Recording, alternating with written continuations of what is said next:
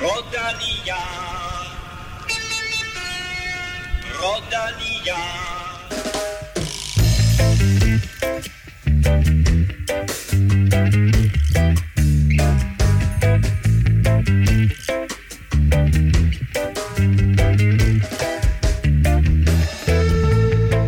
Ikke en uge uden en dansk sejr, og denne gang endda af fornemmeste grad, da Mads Pedersen vandt tredje etape af Paris-Nice.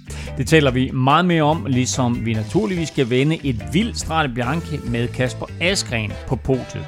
Og dermed velkommen til ikke to faste podiepiger, men efterhånden kun en enkelt, nemlig Kim Plesner. I sidste uge, der var Stefan syg. I den Ja. her uge, der har han været i England og se fodbold. Flyet hjem fra England er forsinket. Ja, Big surprise. Jeg tænker med, at det er en undskyldning. det tror jeg også. Bestemt. Ja. Quizzen. Men, Kim, jeg er ked af at sige det, jeg og lytterne må nøjes med dig. Ja. Til gengæld, så er vi ikke i en situation, hvor vi nøjes længere i dansk cykling. Kasper Askren, Mads Pedersen, det er altså to verdensstjerner, vi har med at gøre her. Ja, det er, det er helt op på, på topniveau, og, og Mads P. igen på, på, øh, med en World Tour sejr. Og en, Årets øh, første. Årets første, og den første siden oktober 2020 øh, på World Touren. Han vandt ikke nogen på World Touren sidste år. Og, øh, Men jeg tænker også årets første for danske cykelrytter på World Touren. Haft UCI sejr. Nå, nå, ja, ja, hvad hedder det, og ja, altså man kan sige, øh, vi har jo vidst i et godt stykke tid, at de to har været verdensstjerner, men specielt for Mads P. har det været vigtigt, og det har man jo kunne se hele, hele foråret, hvis vi kan kalde det det allerede, eller starten af sæsonen, at øh, det, her, det her, jeg tror meget det her Paris, Paris-Roubaix, øh, styrtet i Arnbergskoven. Det var, det var sådan ligesom dråben på en sæson, hvor alt øh, næsten bare gik i fisk for ham. Ikke? Og så han tænkte, nu 2022, der er det altså ud af starthullerne og skal sat med vise. Og, Og hvis man så sidder og tænker, dråben, det køres der i april, der skal vi lige lægge mærke til, Ja, det, blev det, det blev til- kørt i efteråret sidste Ja. år. Hvilket på en eller anden måde var fedt, men nu er det tilbage i foråret, så det er jo her den anden, tredje weekend i, i april bliver det ja, det er, jo, det er jo det, han har gjort i år, er også, at han, har, han, han er meget selektiv omkring, hvad han stiller op i. Han øh, stillede ikke op i åbningsweekenden i Belgien. Han stiller ikke op i Milan Sanremo.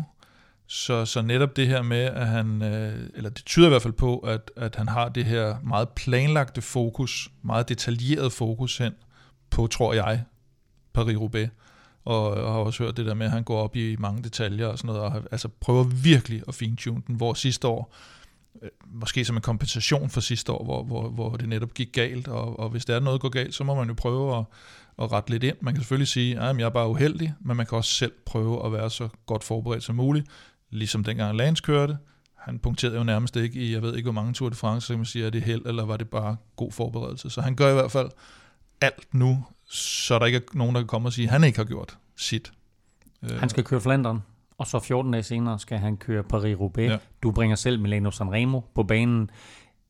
Jeg havde en øh, samtale over Twitter med en øh, fan af podcasten, som siger, øh, han bør køre Milano Sanremo. Jeg siger, han kan ikke vinde den. Hvad, hvordan har vi det? Han skal ikke køre den, vel at mærke. Så vi, Nej, får, vi, får altså- ikke, vi får ikke at vide, om han kan vinde den eller ej. Men er han i sådan en form, så han reelt set kunne have klaret Poggio, øh, og være kommet ned og, og, og have, eventuelt have været med i, i, i finalen også. Altså Milan Sanremo er jo, et afsindigt svært løb at vinde, fordi der netop er så mange, der kan, der kan komme med op over det, og, og den kan ende på så mange forskellige måder, både med øh, supersprinter eller Caleb Ewan, og, og helt op til, til nærmest, øh, hvad hedder det, altså Nibali, der kan vinde nærmest en, en, en Grand Tour-rytter. Øh, men hvis Jasper Støjvind kan vinde den, øh, så, så vil jeg sige, så, så i topform, der kan, der kan Mads P. også. Men det er et, det er et meget stort lotteri, øh, og så kan du sige, jamen det er det jo så også i Paris-Roubaix, hvis man kan blive kørt over Luke Rowe i, i, i Arnbergskoven. men, øh, men der er det trods alt mere sådan, hvad skal man sige, styrke i Flandern rundt og Paris-Roubaix. Hvis ikke man er uheldig, så er det et ren styrke, der er gældende, hvor det andet, der skal du lige være heldig med. Ja, man så det sidste år med, med Søren Krav og, og Støjvind, der var det Støjvind, der trak det længste strå. Han springer helt over Milano Sanremo, og dermed så får Støjvind altså også mulighed for at forsvare øh, sin sejr fra sidste år. Det sagde øh, Mads i et interview med TV2 også, at det var vigtigt, øh, at Mads ikke ville blande sig i det. Øh, men øh, dermed så giver han jo også på en eller anden måde lidt tilbage, selvom han ikke kommer til at hjælpe Støjvind, så giver han lidt tilbage til ham, og kan så måske trække på ham i forbindelse med Flandern rundt og Paris-Roubaix.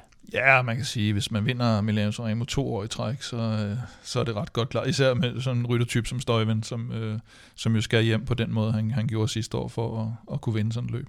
Det var en lidt lækker introduktion omkring Mads Pedersen, end, øh, end vi normalt har, og øh, vi kommer faktisk tilbage til at tale meget mere om øh, Masses sejr. Vi skal også tale om Tirreno Adriatico, og så har vi et interview til dig med danske øh, Martin Toft, der er blevet ansat af Bahrain Victorious. Det er et interview, som Stefan øh, har lavet, som du kan høre senere. Vi skal naturligvis quizze og have uddelt en kop til en af alle jer dejlige mennesker, der støtter på tier.dk. Uden jer, ingen podcast, og velkommen til fire nye støtter siden sidst. Og tak til alle, naturligvis, der har været med i lang tid. Mit navn er Claus Elming. Du lytter til Velropa Podcast, præsenteret i samarbejde med HelloFresh. Men vi åbner den her udsendelse lidt uortodoks ved at tale om en enkelt etape i et etabeløb, men jeg synes, vi er nødt til at runde den helt igennem overlegne start Jumbo Visma øh, fik, eller to om man vil, på første etape af Paris-Nice. Tre mand på podiet, der kom alene til mål, nærmest arm i arm. Ja, det var, det var vanvittigt, og, og det, leder jo, det leder jo tankerne tilbage på, på ting i historien. Øh, øh Gevis Balan, Marpay i tidens morgen, 94-97, hvor de også kører væk. Gevis Balan i Flesh Vallon, øh, 94, kører væk med, med Basin Folan, Argentin, og, øh, og Marpay i 96 i Paris-Roubaix med, øh, med, med Musso, øh, hvad hedder han, øh, Tarfi og Ballerini. Sidste, Ballerini. Øh, og, og, og så er der en hel masse, man kan, man kan øh, sætte på det, men det er det her, det spektakulære er jo det her med, at det er jo ikke et, to, tre, en spurt, eller nogen, der kommer ind. Altså det er det der med at køre væk sammen, øh, som man sjældent ser. Nogle gange ser man to rytter køre udbrud og sådan noget, men her der kører de altså tre mand væk og ligger og kører sådan et, et mini-holdløb, og det er bare spektakulært, uanset, øh, uanset hvornår det foregår og hvem det er fantastisk taktisk indgang til det her løb, som blev udført til perfektion. Øh, Tønesen med flere sætter et hårdt tempo mm. øh, op af den sidste bakke. Og, øh, ja, Laporte, vi... og Laporte ja. er, jo, er jo den, der virkelig øh, øh knækker det kan man sige, og, og, og, det og der, kommer med, simpelthen. Præcis, og, og det var lige, jeg vil lige nævne de tre der, fordi det ja. var Wout van Aert, og det var Primus Roglic, som selvfølgelig er de to store favoritter på det her hold, og så Christophe Laporte, der mm. er kommet til inden sæsonen. De tre kommer alene til mål sammen, og Laporte får sejren. Ja, og, og inden da, uh, Stibar, uh, Stenik Stibar for, for Quickstep, kommer jo rent faktisk med, og kommer op over stigningen. Og så på det flade, så jeg har stadigvæk ikke helt fundet ud af, om han, om han simpelthen blev sat for jul af dem, eller eller om han blev kaldt tilbage, fordi de sådan tænkte, ah, vi kommer jo nok op med noget, så det er bedre, du er der, i forhold til, at du sidder i den her øh, triple sandwich øh, heroppe. For han sidder sådan og kigger sig tilbage, så det kan jo enten være, fordi, okay, jeg er helt færdig, eller jeg bliver kaldt tilbage på det her. Øh, de får en lille smule hjælp, hvis man skal sige noget hjælp, af Stefan Bissiger, som ligger tempo nede i bunden inden, øh, inden stigning, men ellers er det dem selv, der laver hele muligheden, og, og netop Laporte her, der får, der får sejren til sidst som en, som en slags gestus. Han er den nye mand på holdet. Han er franskmand. De kører i Frankrig. Øh, har ikke vundet en World Tour sejr før, kommer fra Kofidis. Ja, det er hans første kommer, World Tour sejr. Ja, og kommer nu over her, og det er, jo, det er jo penge i banken for de andre, kan man sige, at, øh, at give ham den her. Det var, øh, det var fantastisk at se. Det var også en magtdemonstration af Jumbo Visma, men mm. var det også sådan lidt et tidligt knockout af Roglic i forhold til klassementet? Ja, de, altså, så meget vinder de selvfølgelig heller ikke i sekunder, vel, men, men det er, altså, når man i forvejen er favorit, øh, hvis man lader være med at styre det i hvert fald, som man jo har, har haft lidt tendenser til at gøre på nogle heldige tidspunkter. Også i det løb her sidste år. Også i det her løb, ja, endda to gange, tror jeg det var på sidste etape, ikke? Øh, så er det selvfølgelig meget, at du allerede ligger, ligger for land på sådan en, en relativt ufarlig etape, som, som den jo lidt blev betragtet som øh, og skaber det her forspring. Og øh, det man jo så også kunne se, det var jo, at altså Roglic havde jo måske brug for de her bonussekunder, og alligevel giver de Laporte sig. Det, det tyder måske på, at man er ret komfortabel i forhold mm. til, at man nok skal vinde. Men, øh, men det må vi jo se til sidst. Hvis han står og mangler de der, de der fire kommer, sekunder, så er det Ja, vi kommer, vi kommer tilbage til enkeltstarten lidt senere, ja. og der øh, var han altså igen godt kørende, øh, Roglic. Øh, men vi fik også et glimt øh, af, at øh, ikke kun Mads P., men også Søren Krav Andersen ser ud mm. til at mm. være i god form. Ja, det, det virker som om, at Søren, han, øh, han, sådan, han er vel i det øh, fase af, af sæsonen, hvor han sådan, og, og karrieren havde han sagt, øh, hvor han lidt leder efter formen altså den der topform. Øh, så han er ude sådan at, at prøve sig lidt af, og sidder med fremme, stikker afsted i nogle udbrud og sådan noget, fordi han, han er ikke helt der, hvor han skal være, og hvor han gerne selv vil være, og der, så, så er det en god måde, synes jeg, også for ham, at han ligesom ikke bare sidder og bliver, bliver passiv og bare følger med og får nogle løbskilometer i benene, men altså går ud og prøver sig af, dør med skoene på i nogle ting og sådan noget, men så får han lige mærket, hvor han er henad og, og, og hvor meget der mangler. Og Mads P. sad også øh, med helt frem, da Jumbo de kørte Absolut. på stigningen der. Øhm. Ja, han sidder altså i forhold til, hvad, hvad vi har været vant til at se de seneste par sæsoner for, for Mads på, på stigningerne, sidder han jo super godt med og kommer ind og, og, og vinder også spurten øh, om, øh, om andenpladsen, skulle jeg til at sige. Som så, ja, altså, som han, så, han vinder spurten der i gruppe 2. Ja. Øh, hvem er det? Det er Pierre Latour, som ja, lige har snydt, lige, har snydt øh, gruppe 2 der, ja. kommer ind foran. Ikke? Men da der skal sprinte som andenpladsen, eller ikke om andenpladsen, det er mm. som fjerdepladsen, mm. der vinder Mads. Femtepladsen, fordi Latour er Femtepladsen, det er selvfølgelig. Øh, da der skal sprinte som fem, femtepladsen, der vinder Mads. Mm. Er det også et spørgsmål om lige at tanke noget selvtillid og vise de andre, hey, jeg er der? Ja, så er det jo noget med, at, øh, at man ser jo typisk, altså du ser jo mange gange, og specielt selvfølgelig i Tour de France og sådan noget, at de sekundære placeringer, dem, dem spurgte man altså også om, i hvert fald hvis det er top 10. Og, og så er det jo noget med overskud. Altså for hvis du ikke har overskud til det der, så gider du i hvert fald ikke at, at gå frem og bruge kræfter på og, og spurte og måske risikere lidt mere, end hvis du bare sidder nede i feltet, fordi det er jo ikke, altså det er jo ikke fordi han kører klasse mange, kan man sige. Så, så det er jo selvfølgelig lidt spurttræning og lidt, lidt overskud i benene. Og Mads han øh, gjorde det jo så altså endnu bedre her i, øh, i går, hvor han jo vandt tredje etape. Det kommer vi som sagt til at øh, tale mere om lidt senere. Men allerførst, der skal vi lige have skudt gang i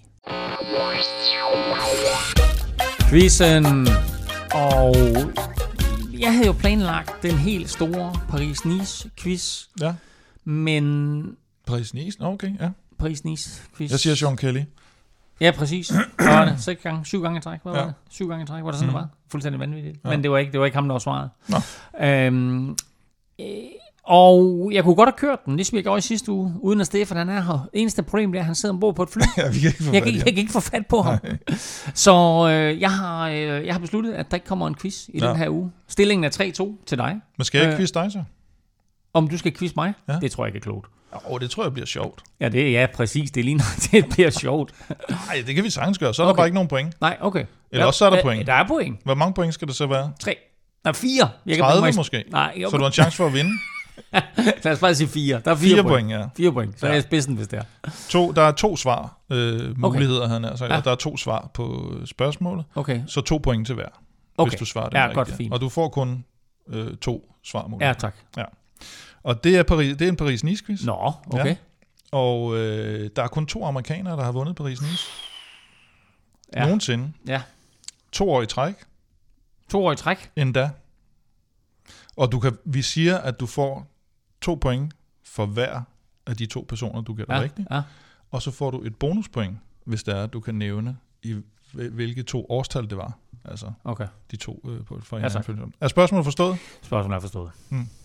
Skal jeg så sige, at du skal lade være med at google? Det, det synes jeg er en god idé. Lad nu være med at google.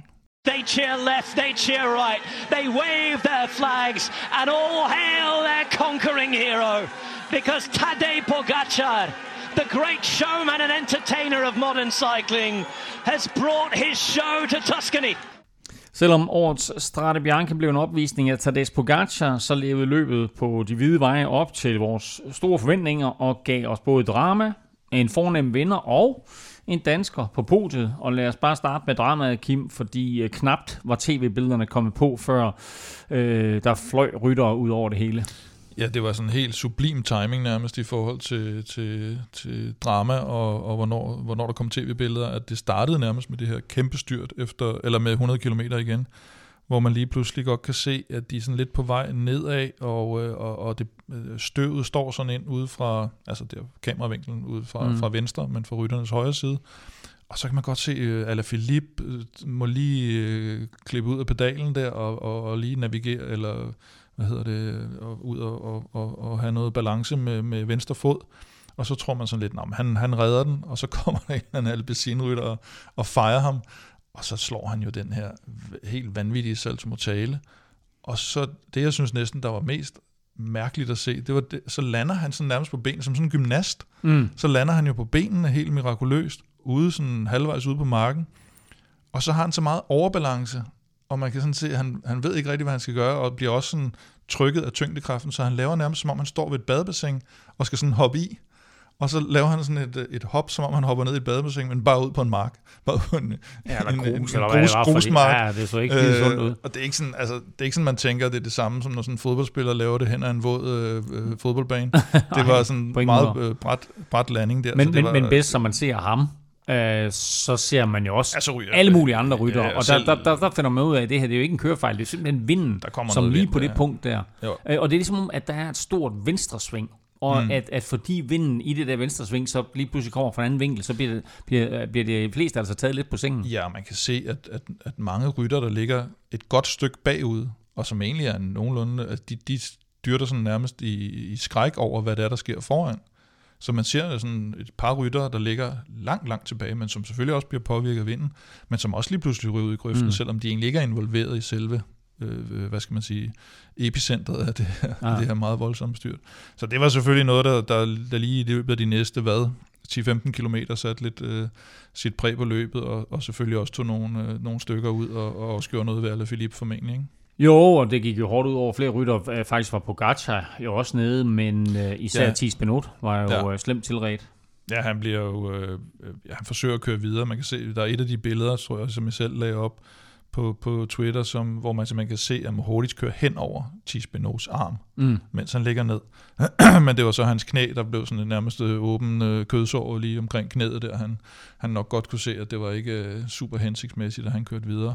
Og, og, og ærgerligt jo, fordi han, han havde kørt rigtig godt i øh, omløb, øh, som, som hjælper for Wout van Aert, og havde fået sin egen chance her, og havde vundet løbet tidligere, så var klart blandt topfavoritterne. Men må, må sidde et andet fint billede, der var på, øh, på, Mm. på øh, fra løbet, hvor han, hvor han simpelthen sidder ude i vejkanten der og rækker armen op efter, efter en eller anden øh, følgebil og siger, det, det, jeg kan ikke mere. Øh, Altså, der, der er jo spektakulære billeder, altså selvfølgelig det de, de, de stillefotos, der er af Alaphilippe styrt, er jo fantastiske, men også det billede, du, du siger der, Mm. omkring Thies Benot, der sidder i vejkanten, man ser den her lange hvide grusvej, så ser man horisonten, man ser en bil langt ude, og man mm. ser ham sådan sidde nærmest øh, som en slagen mand. Ja. Altså det er, det er et billede med blodet på... løbende ned ad knæet, ikke? Ja. Ja. som sådan en kriger der, der sådan har været i kamp, ikke? Og, og siger, nu, nu skal jeg lige ind i, øh, i Røde Korsvognen, havde han sagt. Og det kommer til at koste ham Tirreno Adriatico, som Det er rigtigt, kørt i øjeblikket, hvor han skulle have været med. Ja, er det er synd. Øh, øh, synd, synd sæsonstart er skiftet til, til, til et stærkt jumbohold.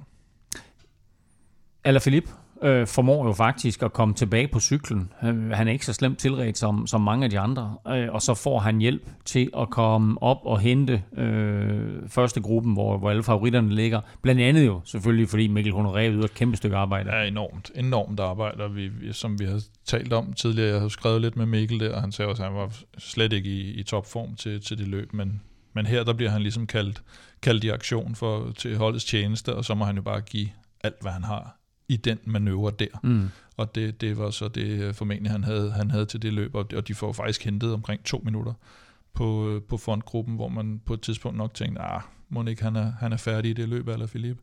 Øh, så så det, var, det var en enorm arbejdsindsats. Han bruger mange kræfter selvfølgelig, Alaphilippe, på at komme op. Ja, det gør han Øh, selvfølgelig også. Men, øh, men han ligger trods alt helt op i den forreste gruppe, da løbet bliver afgjort.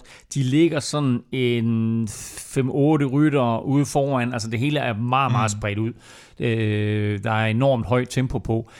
Og så kommer det her afgørende stød fra Pogacar med præcis 50 km igen, hvor han lige bruger den der lille, jeg mener det er Santa Maria-bakken, mm. til at angribe. Og man kan se, når man ser de her øh, fede billeder, som de altid laver fra Strade Bianche mm. fra siden, med et helikopterskud, mm. øhm, så ser man de forreste ryttere køre rigtig stærkt, og så lige pludselig kommer der en rytter indenom, som kører endnu stærkere, Meget og det er. Pogacar. Ja. Og så ser de ham ikke igen. Nej, så ser de ham ikke. Og det er jo der, mange øh, løber tør for, for energi. Jeg mener også, det var dengang, helt tilbage, da Magnus Kort fik sådan lidt et gennembrud ved at sidde i en frontgruppe med alle mulige kancelater og Valverde og sådan nogen, at, at det er der, han så, altså, at, at tanken lige pludselig løber tom der. Det kan man ikke ligefrem sige, på gjorde. Men Det gjorde den også for Fuglsang her, for eksempel.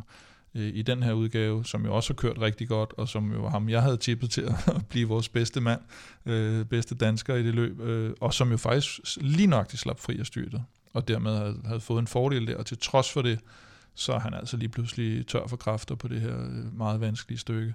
Og, men Pogacar, det er, jeg ved snart ikke, hvad man skal sige, fordi han, altså, i det felt, han har her, hvor Alaphilippe har været i, i grøften, øh, Van der Pol er ikke til start. Van Aert er ikke til start. Øh, hvis han kommer til, øh, til, til mål, eller til Siena i hvert fald, inden, inden den stejle bakke, med, med, med de rytter, der er i det felt der, så burde han faktisk godt kunne sætte dem til vægs op ad den stigning. Men det er jo alt for nemt for ham at vinde på den måde. Så hvorfor ikke gå ud og køre solo med 50 km igen, i stedet for, for lige at skabe lidt ekstra cykelløb? Som den britiske kommentator også sagde her, ikke? han har taget sit showmanship til ja. Toskana, fordi men det, det- er jo det, han gør. Han leger jo på den cykel. Han behøver ikke at sætte dem med 50 km igen. Nej, nej, han, det- det er det, nødvendigt, det, det, det er bare sådan endnu en side i den her øh, vilde bog, der er ved at blive skrevet mm. om Pogacar. Han er, han er 23, ikke? Og han er også, han er også allerede 23. Ja, det er det. Altså, det er jo fuldstændig vanvittigt. Han ja. er den første vinder af Tour de France, som vinder Strade Bianca også. Mm. Og så sagde øh, de britiske kommentatorer, øh, inden jeg skar det her klip øh, ned, der sagde de faktisk, vinder det, man godt kan kalde det sjette monument. Mm. Vi talte lidt om det i sidste mm. uge, men hvor er vi henne? Fordi det her, det er jo et løb, Kim, der år efter år giver os underholdning. Mm. Fra, fra start til slut, skal det lige siges. Og nu kommer Milano Sanremo næste lørdag. Mm. Øh, det er jo et løb, som i 280 km ikke giver os underholdning.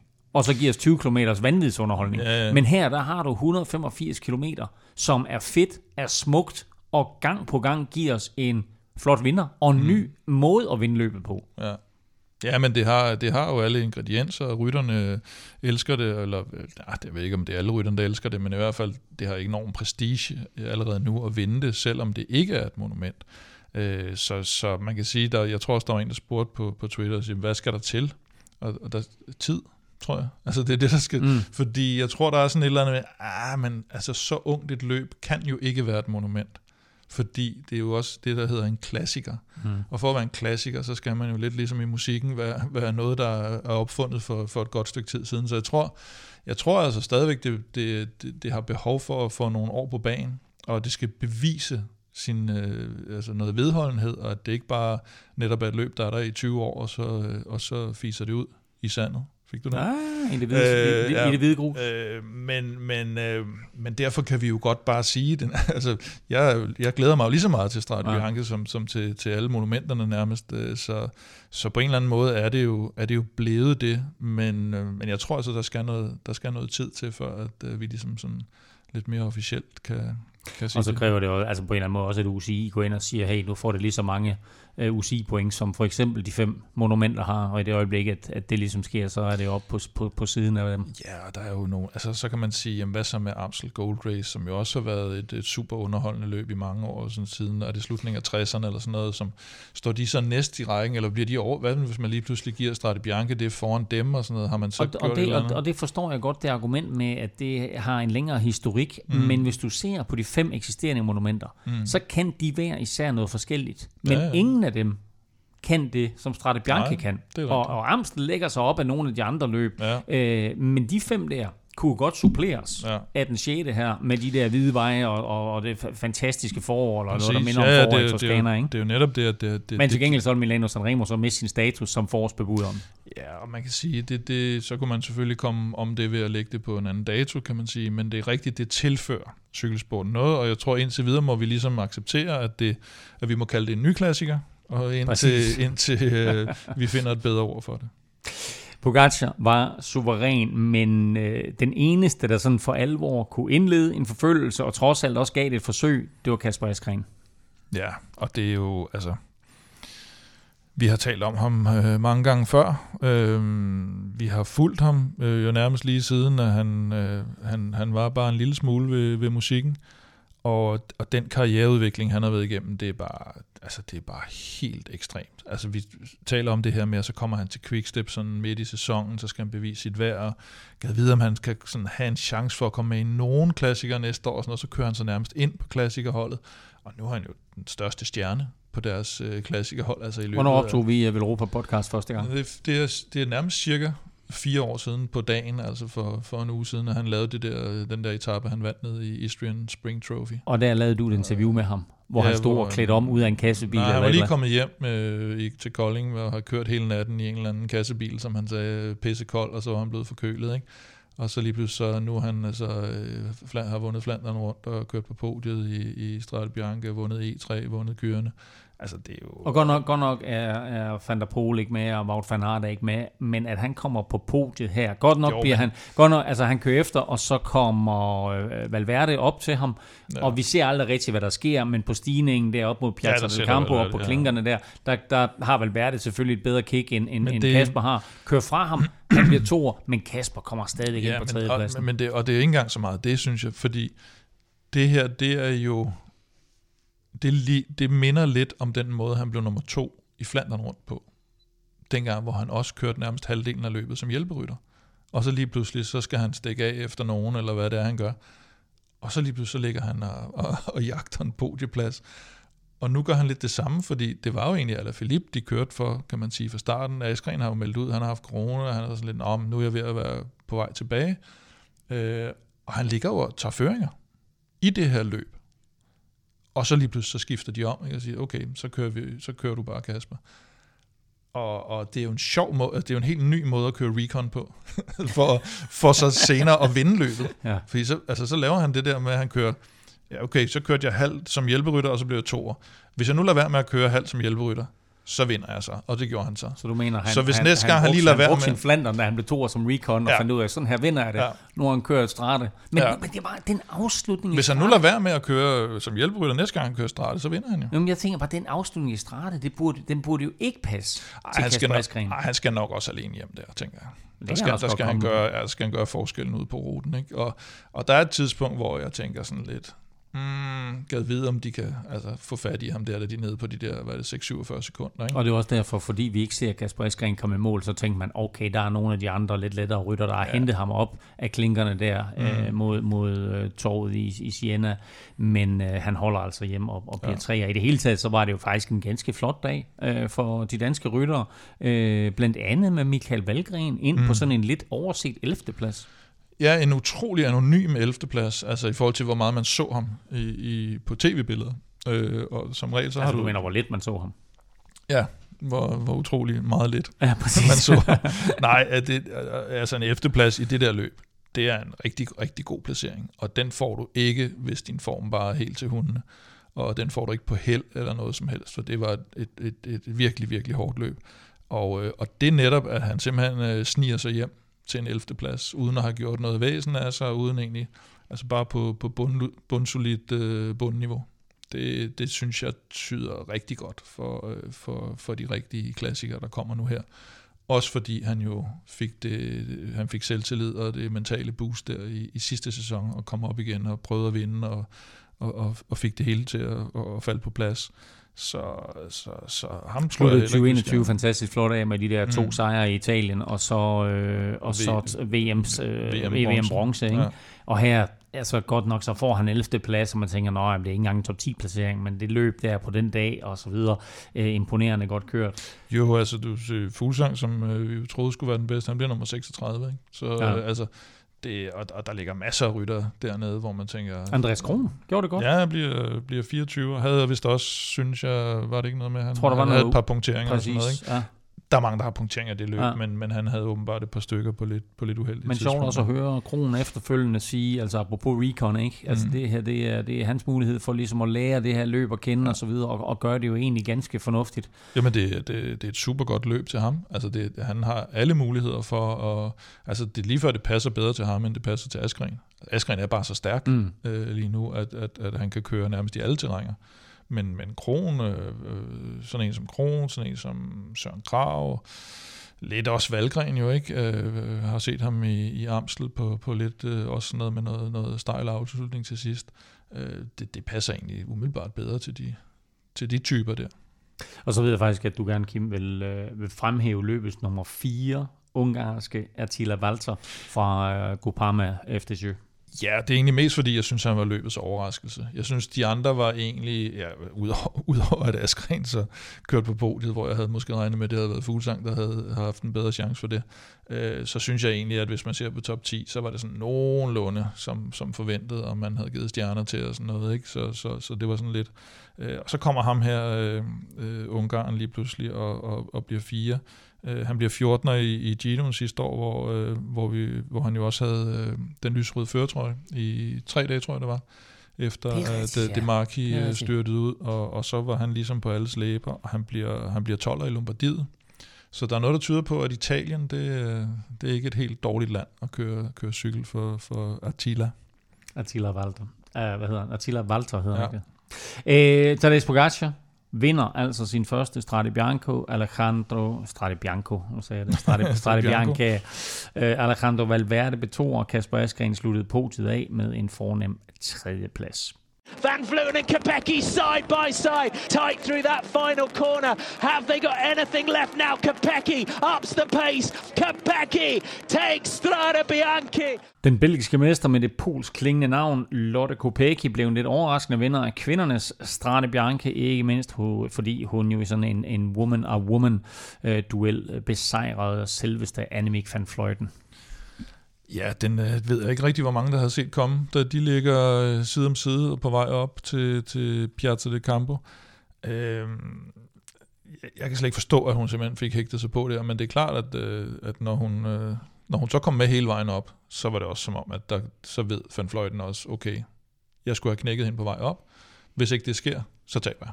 Og det, det er klart, fordi der er hun jo, øh, altså i sprinten er, vinder hun jo 99 ud af 100 gange. Og den sidste stigning, før de kommer ind til Siena by, der gør Lotte Kopecky det også, sætter sig på baghjulet af Van Vleuten, øh, og det betyder så også, at de to kommer øh, alene øh, ind mod Siena. Øh, Kopecky tager sådan en, en 30 sekunders føring, hister her, men ellers så er det Van Vleuten igen, der, der mere eller mindre øh, tvinger øh, det her løb til at blive afgjort mellem de to.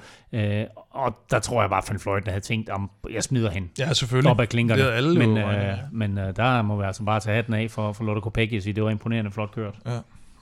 Øh, Cecilie Utrup Ludvig sad øh, flot med og var med i den absolute finale, men hun måtte altså for andet år i, i, i træk tage til takke med en femteplads. Ja, man kan sige, nu, nu taler vi om, hvilke danske, danske herrer det løb ligger godt til, og det er jo et løb, der i den grad også ligger godt til hende. Det er jo lidt, hun kører sammen med sådan en som øh, Van Fløjten selvfølgelig. Og så var der også det her, som vi talte om tidligere med vindforholdene. Det er ikke, det er ikke til nogen fordel for de små rytter, og der, der har hun måske øh, ikke lige, ikke lige haft en fordel i, i, i den her weekend, så, øh, så hun, hun, hun løber også lidt tør for kræfter mod slutningen, men er stadigvæk altså, en femteplads i øh, Strade Bianche, det er, det er et topresultat. Lotte Kopecki blev altså vinder af Strade Bianca, mens danske Cecilie Utrup Ludvig for andet år i træk blev nummer 5. Aftensmad. Stressende indkøb i ulvetimen. Ingen tid til et hjemmelavet måltid. Med Hello Fresh er oplevelsen anderledes. Du får enkle opskrifter og lækre retter, som hele middagsbordet elsker. Skræddersy din måltidskasse på hellofresh.dk. For friskende enkelt. Endnu en gang er vi glade for at kunne sige Hello 2022 sammen med Hello Fresh. Vi er nemlig glade for, at Hello Fresh har valgt at være med os som partner igen her igennem hele foråret, og det har de med et særdeles godt tilbud til dig. Hello Fresh er måltidskasser med sund og varieret kost, der passer perfekt til cykelryttere, der skal i gang med sæsonen. Der er masser af forskellige muligheder, og du kan prøve fire uger lige nu med en rabat på 725 kroner. Gå ind på hellofresh.dk og brug koden VELOROPA 22. Og hvis vi kigger sådan lidt på, hvad vi har fået at spise i den her uge, så tænker jeg, at Stefan, til betragtning af i England, i går har fået fish and chips. Det øh, vil jeg næsten tro, han har. Og det er jo også en af de øh, muligheder, der er med, med, hvad hedder det, Hello Fresh. Men øh, nu kommer han jo ikke, han kan i hvert fald ikke komme hjem og lave det til os, når, når han kommer for sent. Så nu skal han jo nok have noget af sit uh, vegetarhejs, uh, som, han, som jeg kan forstå, han er begyndt at, at Jamen, jeg, kan forstå, jeg kan forstå, at han havde legnet noget chili sin carne op, Okay. og det er jo chili Uden kød. uden kød, ja. sin carne. Uh, og det man kan også vælge at få de der kødfrie retter. Uh, og mm. der har jeg jo valgt at gøre det på den måde, at når jeg vælger mine uh, retter hver uge, så vælger jeg et, uh, et par retter med kød, så vælger jeg en med fisk, og så vælger jeg en uden kød. Uh, simpelthen for at prøve de der, det var noget, jeg ville have forsvoret for nogle år siden, jeg ville have gjort. Men der er nogle vanvittigt lækre retter imellem. Det som bliver jo altså- bare mere og mere. Altså det kan man jo, jeg er jo også en af de her gamle konservative typer, øh, boomer, boomer på madfronten. Og man må bare erkende, at der kommer meget mere af det der, og det, det, det, det vælter frem, det der. Men jeg synes det er også, man kan se det på dig. Ja, ja, ja. jeg du, du går og taber dig lidt, Ja, du ikke det? det var fuldstændig meget, ja. Det er alt det cykling. Det er ikke nogen hemmelighed, at jeg er blevet stor fan øh, af Hello Fresh. Er du blevet og, stor? ja, præcis. og øh, jeg får det ind ad døren øh, hver uge. Jeg synes, det er rigtig nemt. Det er rigtig smart. Det er super øh, nemt at gå til. Alle ingredienser kommer i sådan afmålte portioner, så der er ingen spild, og det er altså også øh, rigtig dejligt nemt at gøre rent, hvilket jeg sætter stor pris på.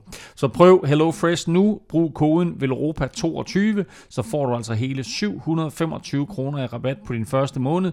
Du kan godt finde det her tilbud andre steder, men bruger du koden VELROPA22, så støtter du altså podcasten her. Og husk, du må meget, meget gerne dele koden med venner og bekendte. Gå ind på hellofresh.dk og brug koden VELROPA22. Nå, lad os komme direkte fra hello til bonjour, fordi vi skal snakke mere Paris-Nice, og lige om lidt, der skal vi også snakke mere Mads P-sejr. Øh, løbet er jo på 8 etaper, starter søndag, slutter søndag, øh, og det er sådan en slags mini-Tour de France, hvor der både er flade etaper, bjerge, en enkelt start, og så altså en poncheur-afslutning, som lå virkelig, virkelig godt til Mads. Vi har allerede talt tidligere om første etape, hvor Jumbo Visma jo nærmest øh, slog nok out. Anden etape blev præcis som ventet et sidevindsdrama, hvor det hele endte i en spurt, Fabio Jacobsen viste sig igen uimodståelig, slog alt og alle, men vi så også endnu en gang, at Mads P. han er klar. Ja, der, det, det bliver jo splittet øh, flere omgange, og til sidst er det, jeg tror det er 24 mand, der kommer til mål og skal, og skal spurte om det. Øh, der var lagt op til det her sidevind hele dagen, fordi der var sidevind hele dagen, stort set.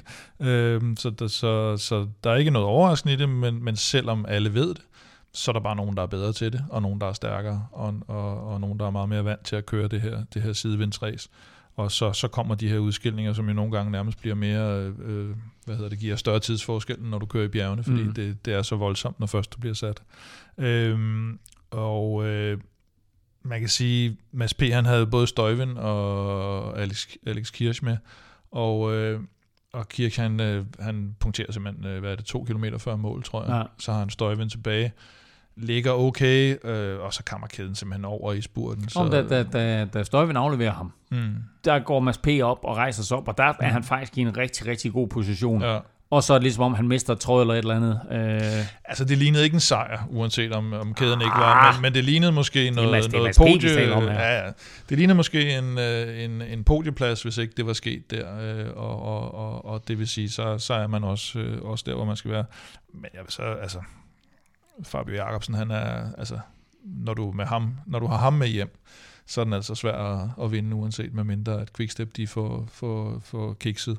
Og, og det kan man sige, de netop ikke gjorde. Øh, de har jo ikke, øh, de har ikke Mørkøv med hjem, der Mørkøv er, er gået hen og blevet lidt, øh, lidt småsyg dernede, og, øh, men, men de har altså øh, Stieber, Lampard og Senechal i et lead-out, og det er, det er også relativt effektivt.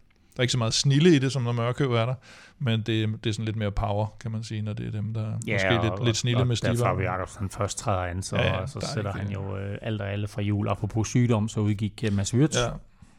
ja, det er rigtigt. Han, øh, altså, der var der var også flere rytter, der måtte i, måtte i asfalten undervejs, på, altså simpelthen på grund af alt det her sidevinds øh, dramatik og, og Hulum High, der kom der. Ikke? Øh, og, og jeg tror også faktisk, den første melding var, at, at Mads var styrtet, men, men øh, det var så sygdom, og han havde det, det kan godt være begge dele, ja. famøse interview med, med TV2, hvor han bare lignede en eller anden hængkat, der sad i, Hvad var i, i bussen. Ja, det var lorteløb. Lort, lorteløb. Ja, og det, altså, det, det, sådan er det jo med Mads mange gange, at øh, når han er oven på pedalerne, så, så er der næsten ikke grænser for, hvad han kan. Og så når han går i kulkælderen, så er man heller ikke i tvivl om, at han er pisse træt af det. Så det er meget fint. Det er den ene Mads. Han hedder Wirtz. Det er den ene Mads. Wirtz Schmidt til efternavn. Den han hedder Mads Pedersen.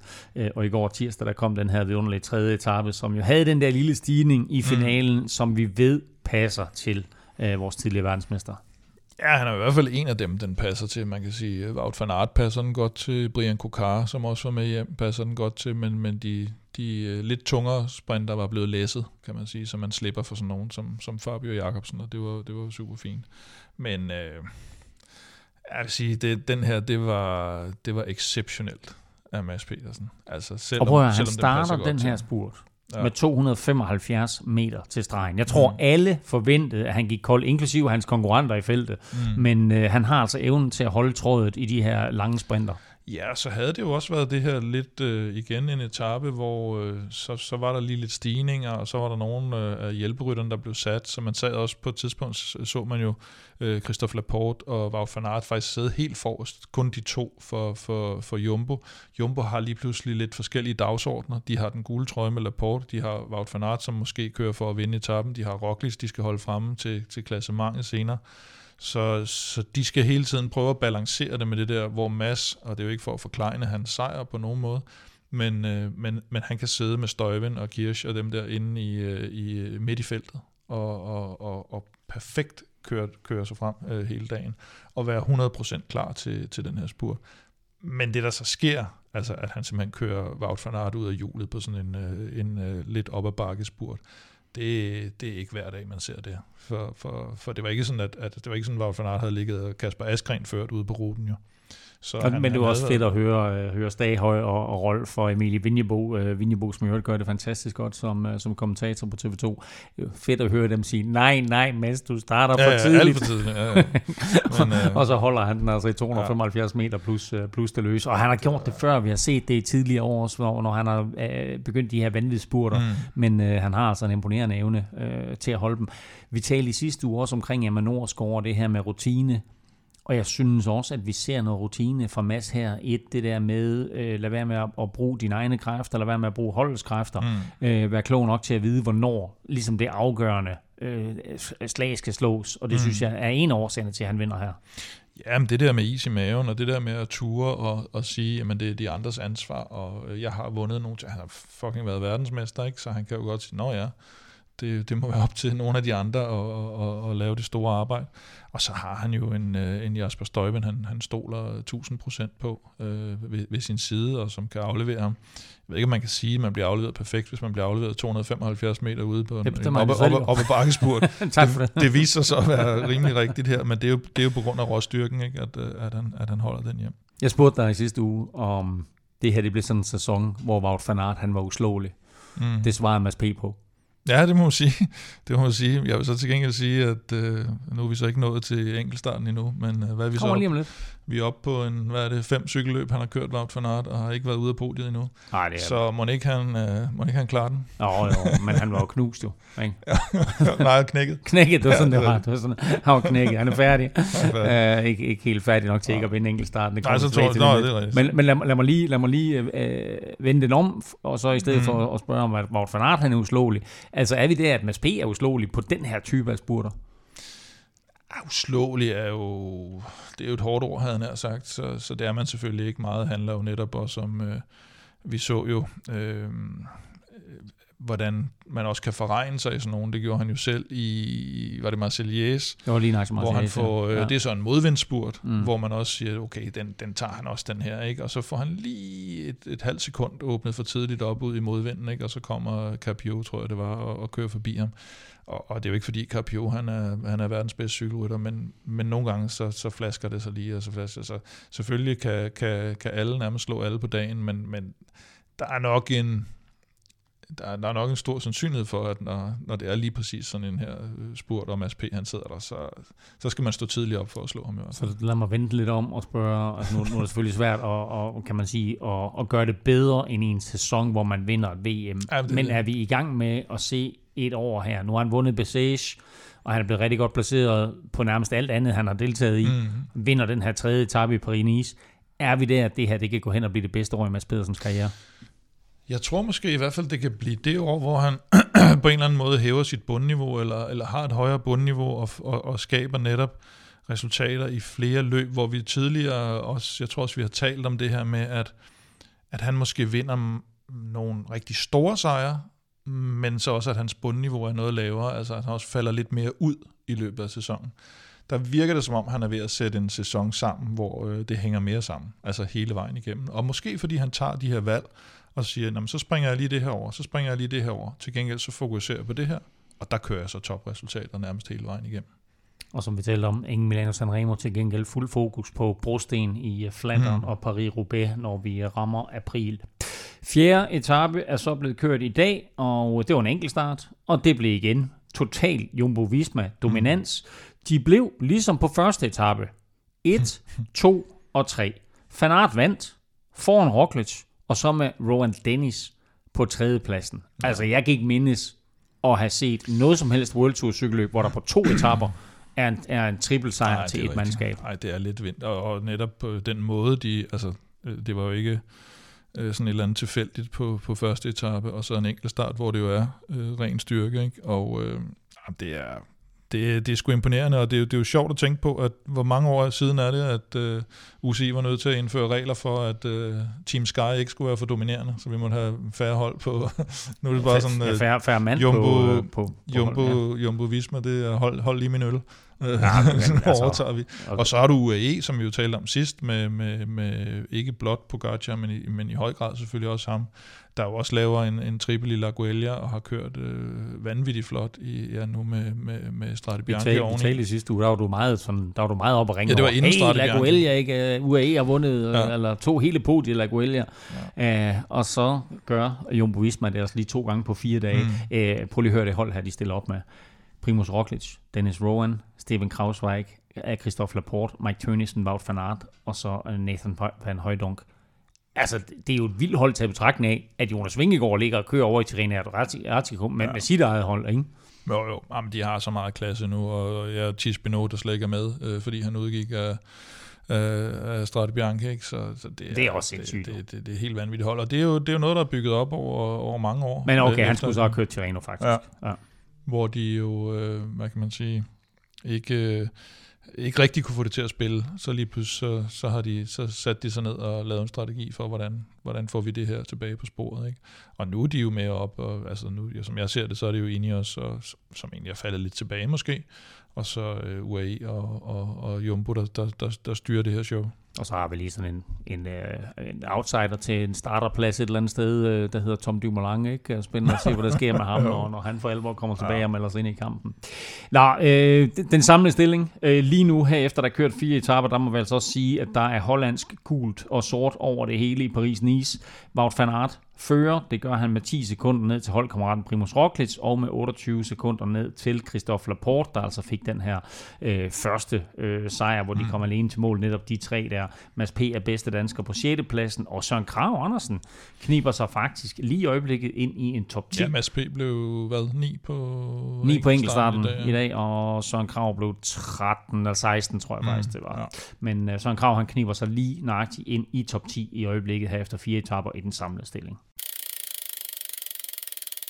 Traditionen tro trækker vi lod om en Europa Cup i hver udsendelse, og det fortsætter vi naturligvis med her i 2022, ligesom vi kommer med andre fede præmier på et eller andet tidspunkt her i løbet af året. Vil du deltage i lodtrækningen, så er det nemt at være med, og samtidig støtter du os på tier.dk. Beløbet er valgfrit, og du donerer hver gang vi udgiver en ny podcast, og når du så donerer, ja, så deltager du altså hver uge i lodtrækningen. Det er normalt Stefan, der står for det, men mm. jeg mhm. synes, du var så dygtig i sidste uge, Kim. Så øh, du, ja. får, du får lov til endnu en gang at uh, trække en vinder. Jamen, øh, denne her gang, der skal vi, øh, der skal vi over til øh, Lasse Hammer. Lasse Hammer Jacobsen, det, det kunne godt være en håndbold, det er et håndboldnavn. en, det, er højre, en det, er Klaus, det er ikke Claus Møller Jacobsen, det er Lasse Ej. Hammer Jacobsen. Ja. Sådan. Jamen, er det, det er dagens vinder, Lasse Hammer Jacobsen. Han har været med siden, hold op, øh, siden august 2019. Det er jo ved at være nogle år siden. Wow, okay. Det er et helt andet år 10. Jamen, ja, det, det er sjovt nok. Mm. Jamen, helt fedt, mand. Øh, tillykke, Lasse, og tak, fordi du har støttet så længe, som du har. Øh, husk, at vi jo for alle vores løgtrængere gør det på den måde, at øh, for hver femmer, du donerer, der får du et lod i puljen, så jo større beløb, jo flere lodder, og dermed altså større chance for at vinde. Lasse donerer faktisk 10 kroner hver uge, så tusind tak for det, Lasse. Og husk, at øh, hvis du også har lyst til at vinde en kop, så finder du altså link til at støtte os på både velropa.dk og på tier.dk. Øh, mange tak for støtten til alle, og tillykke til Lasse. Og husk Lasse, vi vil super gerne se et billede af dig på de sociale medier, når du sidder og drikker din Velropa Cup og øh, ser cykelløb i fjernsynet. Nu skal vi videre med noget, jeg faktisk har glædet mig til, fordi vi nævnte for et par uger siden, at øh, Martin Toft Madsen, den her tredobbelte danske mester i mhm. enkeltstart og enkeltstarts nørd, aerodynamik nørd kan man kalde ham, øh, har fået en sidegeschæft, øh, fordi normalt så kører han jo på det danske kontihold BHS Bornholm, men nu er han også blevet konsulent for Bahrein-holdet og skal forsøge at gøre dem mere Victorious. Også øhm, og det er selvfølgelig primært på enkeltstarteren, det her det drejer sig om. Han er inden for at øh, skulle være det, man kalder Aero Coach. Stefan er ikke med i dag, men Stefan har lavet det her interview, fordi han har talt med sin tidligere holdkammerat omkring det nye job. Jeg er blevet kontaktet af Brian Victorious jo. Ja, det vil godt satse lidt mere på, på enkeltstart og, og generelt øh, opgradere lidt på deres, på deres udstyr. De har ikke rigtig de har ikke rigtig gjort nok ud af det, tror jeg, i forhold til, hvad de, hvad de måske gerne ville til.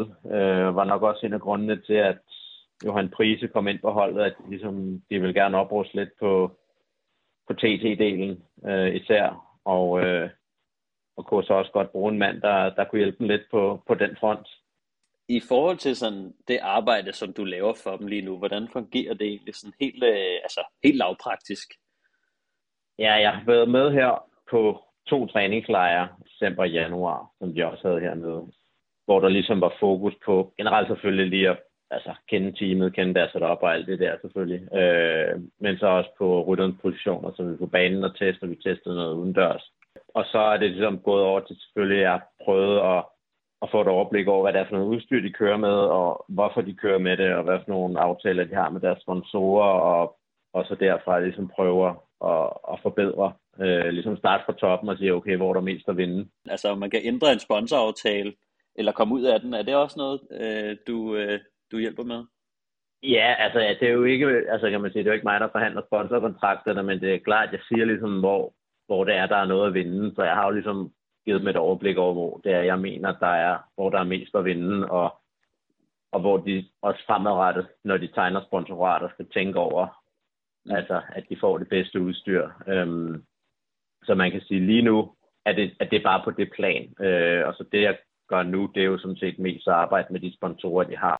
Så jeg har brugt en del tid for eksempel med tøjsponsoren, ikke, med okay, finde ud af, hvad for en, øh, hvis de kan få lavet en hurtigere fantomdragt og nogle hurtigere score og træk og sådan noget. Så, så, det er sådan der, hvor den er nu, og det er klart sådan lidt på længere sigt, så skal de jo selvfølgelig netop tænke det med ind i, i ligesom deres, deres sponsorkontrakter, hvor det tror jeg ikke, det lyder ikke som om, at de har tænkt måske så dybt over det altid, at det faktisk kan betyde noget nogle steder, øh, der måske i virkeligheden ikke er, altså pengetunge, kan man sige. Og få den del ind, ligesom at sige, så vi ikke bare kun ser på ligesom den økonomiske del, og, og selvfølgelig noget med marketing, og hvad der, hvad der passer bedst, men også lige at få øh, performance-delen med ind over, og få sat nogle tal på, ligesom okay, øh, de her dæk, eller de her dragter, eller de her hjelme, øh, hvor, mm. hvor står de, de dem vi gerne vil indgå kontrakt med nu, og vil de gerne samarbejde om at lave noget, noget bedre, ligesom fremadrettet. Mm.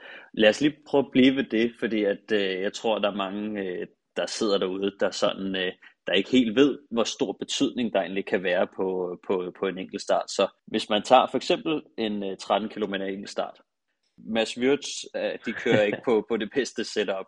Øh, hvis vi sætter Mads Wirtz på det bedste ja. setup i, i feltet, hvor, hvor, hvor, hvor stor tidsforskel tror du, der er på sådan en 13 km enkelt start?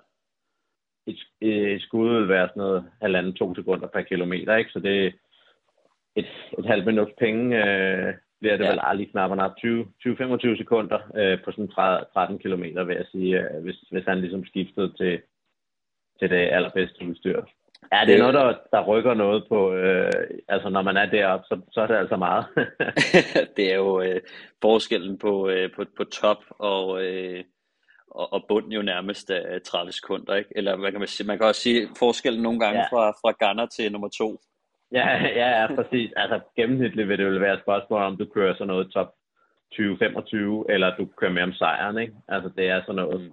Rohan Dennis, han var jo inde på, på holdet, øh, hvad hedder det, inde på Bahrain Victorious på et tidspunkt, hvor han jo øh, tog ja. sit øh, pæne tøj og gik.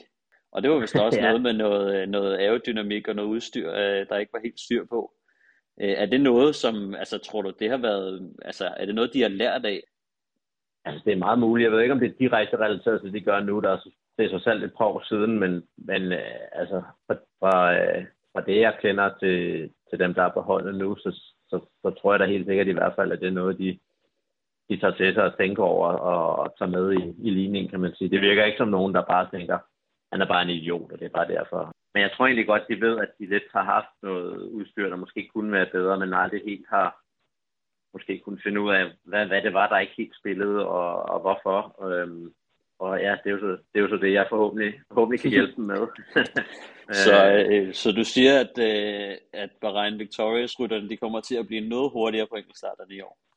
Det er i hvert fald mit mål. Det tager jo lidt tid igen. Der er jo nogle, altså, tingene sker ikke, desværre ikke på, på et par uger eller et par måneder, men altså, forhåbentlig ser vi i hvert fald stille og roligt, at de over de næste par måneder bliver, bliver bedre og bedre. Jeg tror, Jumbo begyndte jo også, var det, er det tre, fire år siden efterhånden, de ligesom sagde, okay, nu begynder vi også, også på udstyrsfronten. Jeg tror også, de begynder at træne lidt anderledes. Det tog også mm. et par år, før de ligesom rigtig så slog igennem, og de ligesom nu har, har sat sig som et af de, ja, det er vel nærmest dem og, og uh, Ineos, der sidder sådan, uh, ud over lige Pogacar, der sidder de to, så er det kan være sådan, der, ja, der holdmæssigt sådan sidder, sidder på, på tronen lidt på, på etabeløb sammenhæng. Sender de der data fra, fra Bahrain? Ja, jeg har fået, så jeg kan analysere deres, øh, ja, deres øh, enkeltstarter. Basalt set power og, power og fart. Øh, og så slår jeg vejr og sådan noget op, og så kan jeg finde deres CDA som nogenlunde for at prøve at holde øje med, hvor de, hvor de ligger henne, om vi, vi går fremad, eller, eller vi ikke gør. Hvad hedder det? Det skulle lige forklare, fordi at altså, du ved, når, når man kører enkeltstart, eller, eller kan man sige i høj fart, så begynder kan man sige, frontarealet, hvor meget man fylder i vinden, og betyder mere og mere. Og hvordan kan du ja. måle dig frem til, hvor meget øh, en rytter har, har fyldt i vinden nede i øh, UAE-tur? Øh, ja, det er sådan, når det er en enkelt start, der sådan er ret simpel, øh, så er det altså basalt set, specielt hvis det er sådan ud og hjem, så kører de jo lige meget med og modvind. Så er det basalt set øh, bare at have hastigheden hver vej, og hvor meget power de har trådt. Øh, og så skal du så bare have temperatur og lufttryk og sådan noget, de der, kan man sige, variable, der er for, for vejret. Øh, hvis du har de, de tre ting, så kan du øh, faktisk udregne øh, til dagen ud for det. Så, så det her det er vel de første par udregninger, du får? Ja, det er, det er den første. De, lavede en, de havde en enkeltstartsimulering, kan man sige, på deres træningslejr i januar, hvor man så fik, kan man sige, et tal første gang, og så har vi selvfølgelig kørt nogle deciderede test. Mm. Øh, men det er så første egentlig enkeltstart, de kørte, det var UA, ja. Det er jo så, at vi så forhåbentlig kan se, at, at folk CDA generelt falder i løbet af, i løbet af året efterhånden, som vi får implementeret mm. øh, tingene. Så vi kan ligesom se, hvad at de kører hurtigere for samme bat. Ikke? Han er jo dejligt nørdet, Martin mhm. Toft. Hvad, hvad er det, han kan? Jamen, det er jo det, han kan, at være, være virkelig nørdet, øh, og gå op i de her små, bitte, bitte detaljer, som, øh, som den ingeniør, han er. Og, øh, og det, man, jeg synes, man tænker nogle gange, når man også det der med, om folk så har kigget på deres rute, øh, hvis de, eller en etape, hvis de skal ud og køre det og sådan noget, hvor nogle gange man hører en rytter, nej, men den har vi ikke lige kigget på. Altså sådan noget, det kæmpe løb, og mm. vildt vildt etape, nej, men den har vi ikke kørt recon på. Og der kan man stadigvæk sådan undre sig over nogen, der sådan ikke går op i de her små detaljer. Så kom øh, Sky os ind og lige pludselig lavede det her marginal gain, så gik op i de her små ting.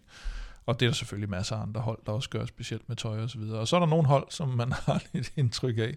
Øh, for eksempel det her Bahrain og, og Rowan Dennis-seancen, øh, der, hvor han simpelthen siger, på at det kan vi ikke. Og vi har også hørt andre ryttere beklage sig lidt over nogle, øh, noget, noget udstyr og sådan noget. Øh, specielt når de har så skiftet hold til et nyt hold selvfølgelig, at, øh, at det man havde på det gamle hold, det var noget lort.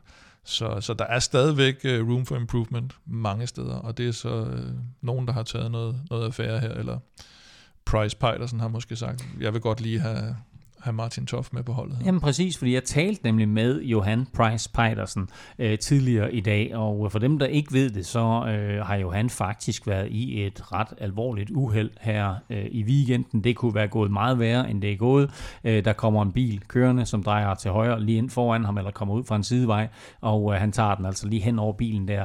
Øh, han slår ryggen og brækker en finger, men værre er det ikke gået. Øh, som sagt kunne det være gået meget værre. Men jeg talte med Johan i dag omkring det her med, Martin Toft, øh, og hvad det er, han bringer. Og et, øh, talte Johan omkring det her med, at det er fedt at få øh, Martin med ind på Beregn, og at Bahrein rent faktisk går øh, aggressivt nu efter at blive bedre på enkeltstarterne. Det drejer sig om både at få noget bedre udstyr, men også have mere fokus på de her små detaljer, som Martin han kan nørde med. Men han sagde også, Johan, noget som jeg synes, der var rigtig interessant, og det var, at selvom Johan han ikke mødte Martin Toft, da han ligesom voksede op og var ungdomsrytter, så var det Martin Tofts øh, evne til virkelig at gå ned i detaljerne og nørde detaljer, som gjorde, at alle de unge ryttere, der kom op, en Mikkel mm. Bjerg, en Johan, en, øh, en Mathias Norsgaard, alle de her ryttere, de blev inspireret. Mm af, hvor nørdet Martin Toft han var øh, omkring det hele, og hvor stor succes han jo samtidig havde. Og det var ligesom om, at der kom der fokus i dansk cykling øh, om, på, på de her detaljer, og hvor meget det betyder at være detaljeorienteret. Så på den måde, der har Martin Toft haft enorm stor betydning for de her mange gode danske resultater, øh, vi har set. Mm. Øh, nu er han øh, sådan inde som aero coach øh, og, og, og teknisk øh, konsulent. Hvor meget tror du, det kommer til at betyde for eksempel i, for, for, for ryttere som, som Landa og Hague, også når vi skal se dem i turen? Landa er måske et øh, uden for, uden for øh, aerodynamisk rækkevidde. Men, øh, men, øh, men Jack Hague og de her altså, øh, øh, sådan lidt mere almindelige rytter, eller hvad skal man sige, det, det kan næsten ikke undgå at betyde noget. Det, er også, det, det kommer også fra, fra et relativt lavt niveau, synes jeg, eller ja, det indtryk, man har i hvert fald. Så det er et af de hold, hvor, hvor man bør kunne, kunne gøre en stor forskel det der så er lidt, det er jo det her med, som, som han også nævner, at, at han er jo bundet op af, hvad det er for nogle sponsorater, de tegner. Og det vil sige, hvis de har en økonomisk øh, incitament til at, at, at tage et, et vist sponsorat, så hænger han også på det. Så er det, så er det begrænset, hvad han kan gøre. Men det han jo så også siger, at det kan godt være, at de også får dem til at tænke lidt mm. over, skal vi tage de her, lige de her få penge ekstra, som egentlig ikke betyder det helt store for, og specielt nok ikke for Bahrain, som jo nok har penge nok, øh, eller skal vi prøve at tænke lidt over, hvad vi, hvad vi rent faktisk får af, af valuta, fordi hvis vi lige pludselig skaber store resultater, eller større resultater, så får vi alt andet lige også større sponsorater. Og Johan nævnte faktisk også, at øh, det, der netop kommer til at blive fokus på, øh, hvordan kan man lave et bedre samarbejde med partnere og sponsorer, og sådan så man også øh, får de optimale løsninger, når det drejer sig om, om aerodynamik og, og, og enkeltstarter. Øh, super fedt at høre fra Martin Toft, og naturligvis øh, god bedring til, øh, til Johan Prise Pejdersen. Vi håber, at han er på cyklen hurtigt igen. Mens halvdelen af verdens bedste cykelryttere kører Paris-Nice, så stod den anden halvdel parat mandag på den italienske vestkyst i Lido di Camaiore, da årets Tirreno Adriatico blev skudt i gang med den uh, traditionelle enkeltstart.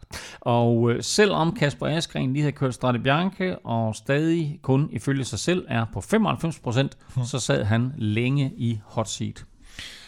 Ja, det var, det var imponerende, fordi man, man burde jo være, være relativt træt øh, efter den, den tur i Strade Bianche, men det, det burde øh, Pogacar så også, og han bliver altså nummer tre.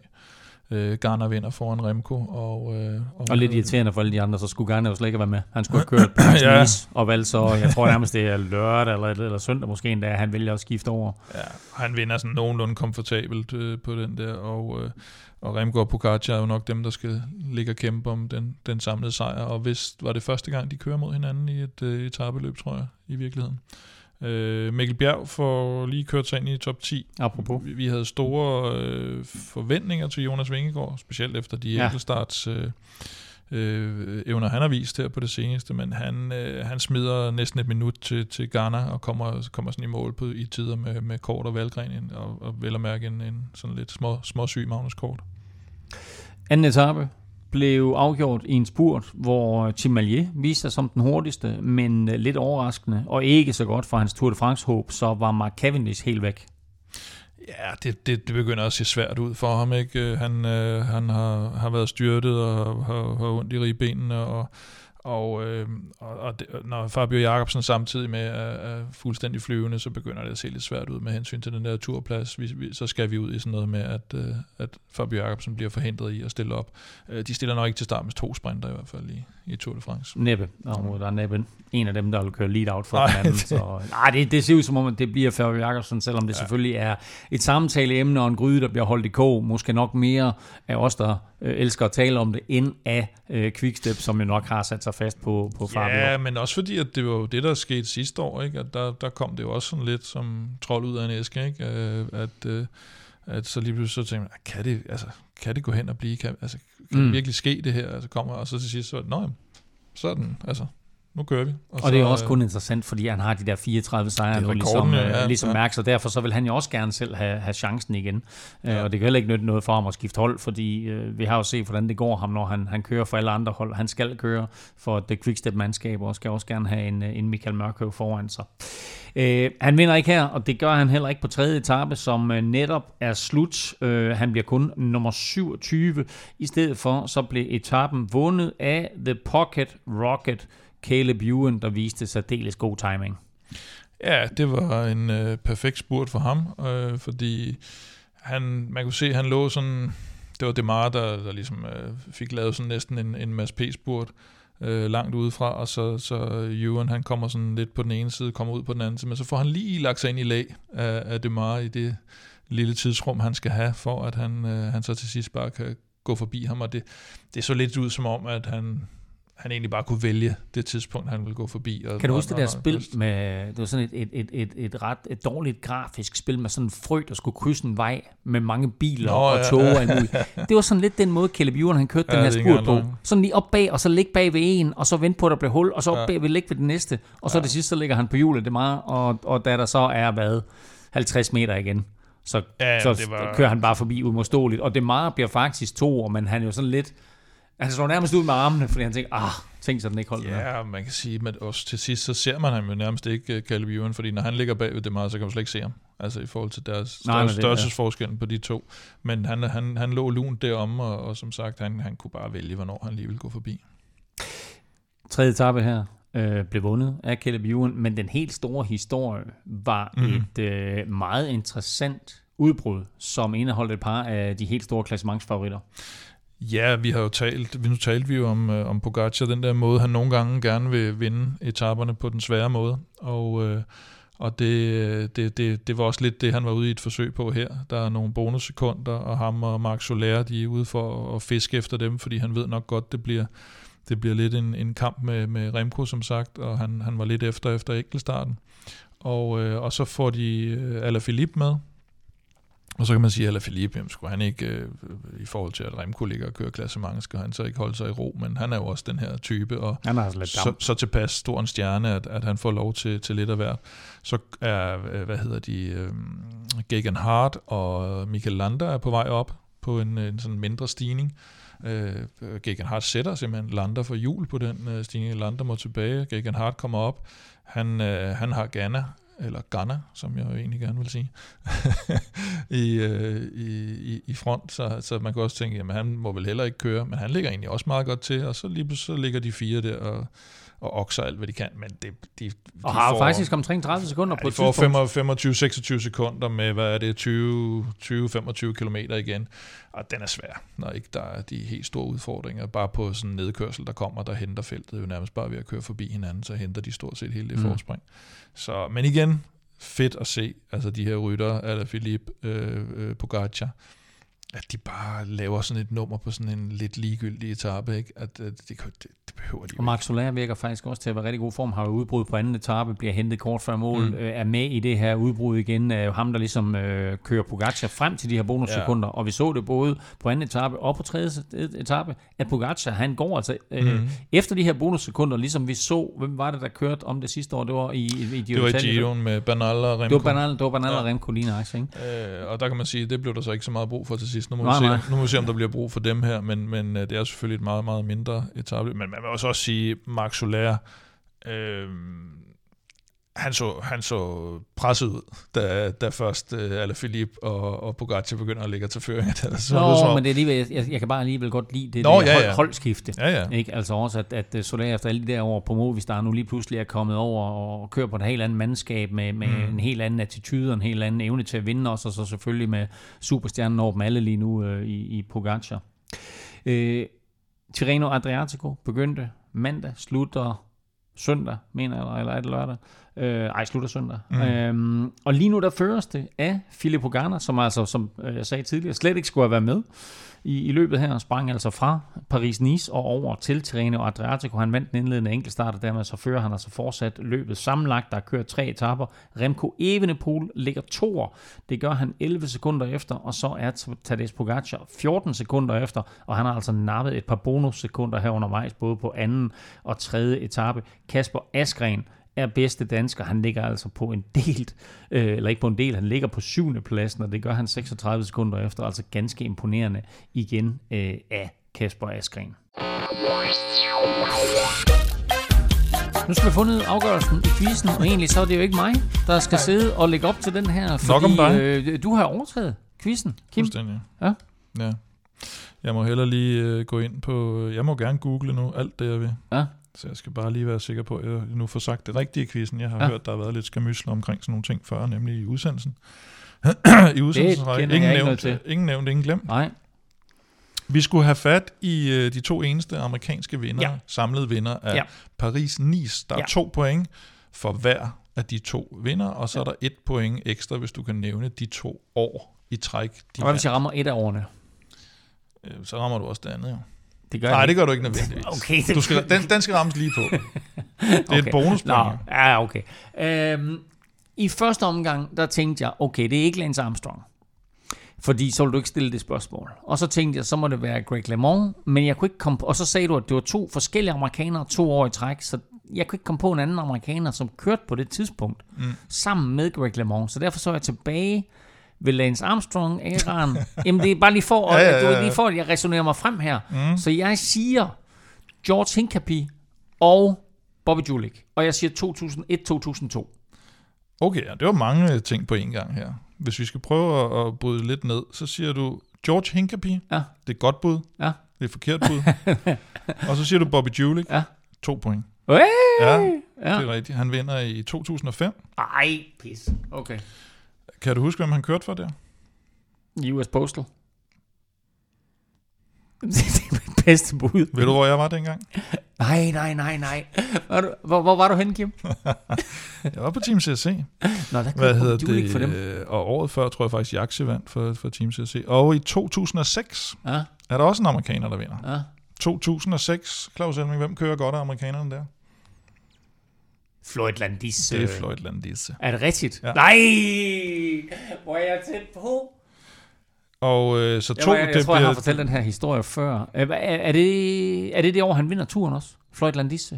øh, det er i, ja, Altså, og så bliver disket efterfølgende. For Bliver jeg kan huske, at jeg sad og så turen i Italien. Mm. Øh, og jeg elskede det der med, at... Øh, nu skal jeg tænke mig om, ah, var det det år? Men jeg kan bare huske, at de italienske kommentatorer, de sagde, Michael Rasmussen, øh, Ej, det er noget Floyd, syv, måske. Floyd Ja. Landis. Øh, nej, Ja, okay, fordi, nej, det er fordi, så har det, fordi der har det har så været over før, men, men det der E, der, der lige kom på, så Floyd Landis. Øh, nå, det var simpelthen, det vil sige Bobby Julik og Floyd Landis i... fem- 2005, 2006. Okay, nå. Øh, Floyd Landis, han vinder så Paris-Nice i 2006, vinder Tour de France. 2007 vinder Alberto Contador Paris-Nice. Vinder Tour de Hvem France. siger du vandt i 2007? Alberto Contador. Altså i turen? Og Paris-Nice også. Nå, Så det er nemlig, wow, at de vinder. okay. Øhm, du kan få et ekstra point så. Ja. For øh, du kan komme op på tre point, hvis Ja. du kan sige, hvem der bliver nummer to sammenlagt i 2005. I... Paris-Nice. Efter Bobby Julik. Det, what? Ja, men det skal jo være det er jo et ekstra point. Ah, Lance, Lance Armstrong. Alejandro Valverde. Ej, hvor er det vildt. Ej, nå ja, okay. Og Mm. Rebellin vinder jo 8. Så øh, det, det er de Okay. gamle. De kører endnu. Ej, det er crazy. Ja. Okay. Valverde. Jamen, det det er jo også vanvittigt, at han stadigvæk kører, og så bliver han nummer to, altså apropos en anden plads, Ja. ja. så bliver han nummer to i strate, ikke? Jamen, Nå. det var, det var to point Så jeg fik to point, og Ja. dermed så er stillingen jo så, at Kim det er har tre point, Stefan har to point, og undertegnet har Det, er det er en to podieplads. point. Det er Nå, som en jamen, øh, ja, øh, øh, okay, ja. Normalt, øh, det skal man lige vide, øh, så har vi, vi har et manus, øh, og der skriver man sådan lige nogle stikord ind til sig selv, og normalt så kommer jeg med sådan en kryptisk stikord øh, til mig selv i forbindelse med quizzen, og der har du skrevet stars 5-6.